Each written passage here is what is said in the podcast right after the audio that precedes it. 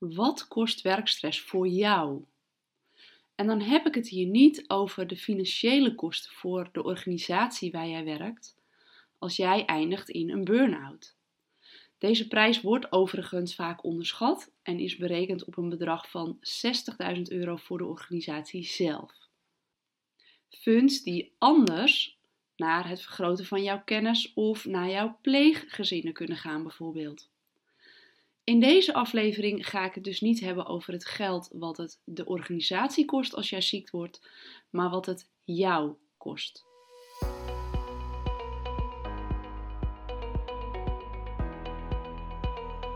Wat kost het jou? Laatst sprak ik een fanatieke pleegzorgbegeleider die op haar vrije woensdagochtenden zat te werken. En ze gaf aan ja, dit, ehm, ik weet dat het niet goed voor me is. Mijn teambegeleider heeft aangegeven dat ik niet meer buiten mijn werkuren mag gaan werken, omdat ze zich zorgen maakt over mij.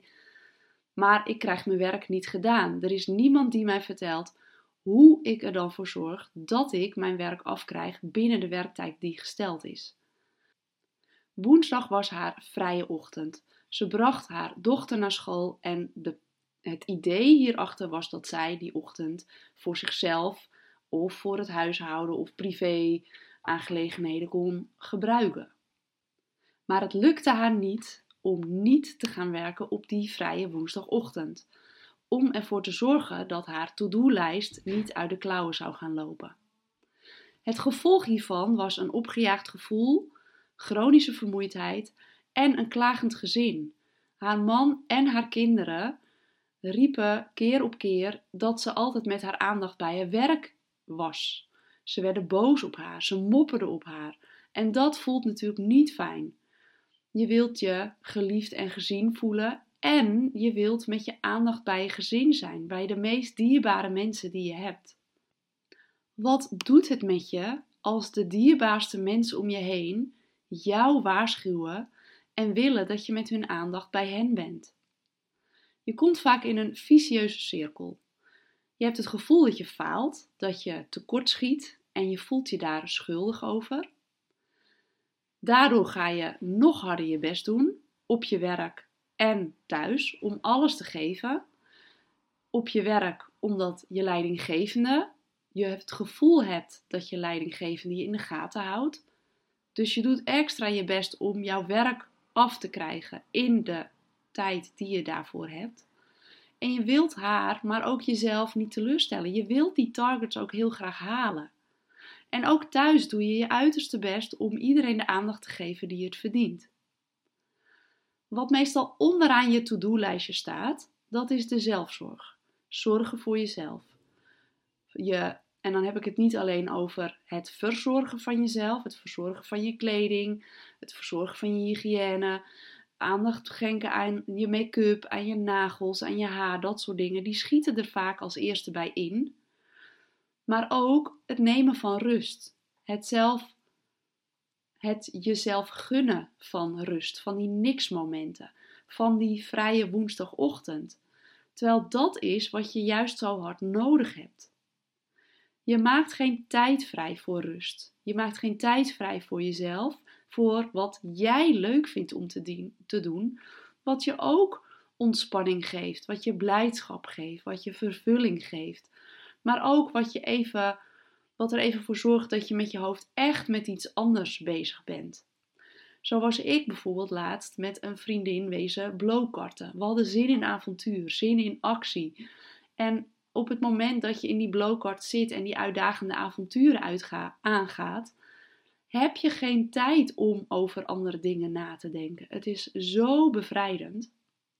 Dus tijd vrijmaken voor wat je leuk vindt en om te niksen. En doordat je dat allemaal niet doet, dus die zelfzorg, juist harder werken, minder tijd voor jezelf, minder tijd voor leuke dingen, minder tijd voor niksen, harder je best doen op je werk, harder je best doen om thuis iedereen tevreden te houden, en daardoor neemt vermoeidheid juist weer meer toe. Je zit in een vicieuze cirkel en hoe lang ben je bereid om deze prijs te betalen? Ik wil dat je voor jezelf eens even stilstaat. Haal eens even een paar keer diep adem en voel eens echt hoe gaat het met je? En als je deze vraag voor jezelf hebt beantwoord, wat heb jij nodig om fundamentele veranderingen door te voeren in jouw leven? Je kunt de keiharde grens, de burn-out, afweren door van koers te veranderen. En om die keiharde grens af te weren, kan ik je hele praktische tips en tools geven. Maar in de kern gaat het erom of je het jezelf gunt, of je het echt wilt. Want als je het echt wilt, dan kom je in beweging. Dan ga je ook daadwerkelijk iets doen met de tips die ik je geef. Dan ga je de tools toepassen. Dan ga je daar tijd voor vrijmaken om dat te integreren in je week. Dan is het niet erg dat dat een half uur of een uur van je tijd kost, omdat je heel gemotiveerd, uh, gemotiveerd bent en dat je voelt: dit is wat ik nodig heb op weg naar meer rust en meer grip op mijn werk. In eerdere podcastafleveringen heb ik je die tips en die tools gegeven. Dus als je daarnaar op zoek bent, zoek die afleveringen er dan bij. In het succestraject leer ik je om fundamenteel jouw ongeremd hard werken modus te veranderen in een effectieve werkhouding die jou en je pleeggezinnen de aandacht opleveren waar jij en zij zo naar verlangen. Maar ook wat je vrijheid oplevert op het moment dat je thuis komt. Dat je niet thuis komt met het to-do-lijstje voor morgen in je hoofd. Dat je niet thuis komt vanuit een stukje frustratie omdat je weet wat er allemaal niet af is na jouw harde werk vandaag.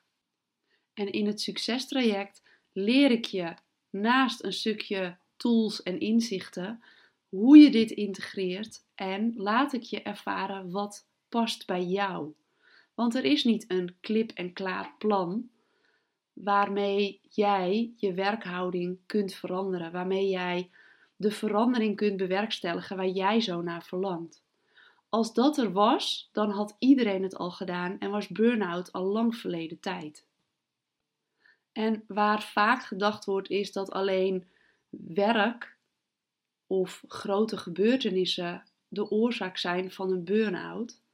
De echte, diepe onderliggende oorzaak van een burn-out is dat je over je eigen grenzen gaat. En dat kan zowel in thuissituaties zijn als op je werk. En die keiharde grens die burn-out heet, afweren door van koers te veranderen, vraagt van jou in eerste instantie een hele duidelijke keuze. Dit is wat ik niet wil. Als jij voelt dat jij niet langer bereid bent om de prijs te betalen, de prijs van schuldgevoel, de prijs van het gevoel dat je faalt, het feit dat je werk mee naar huis neemt en dat dat niet is wat je nog langer tolereert, stuur me dan een berichtje en we praten verder of het succestraject hetgene is wat jou verder kan helpen. Voel je welkom om mij een berichtje te sturen. Hieronder in de show notes vind je mijn e-mailadres en de link naar mijn LinkedIn-pagina, waar je me ook altijd een berichtje kan sturen. En wees welkom ook met vragen of opmerkingen naar aanleiding van deze of andere podcastafleveringen.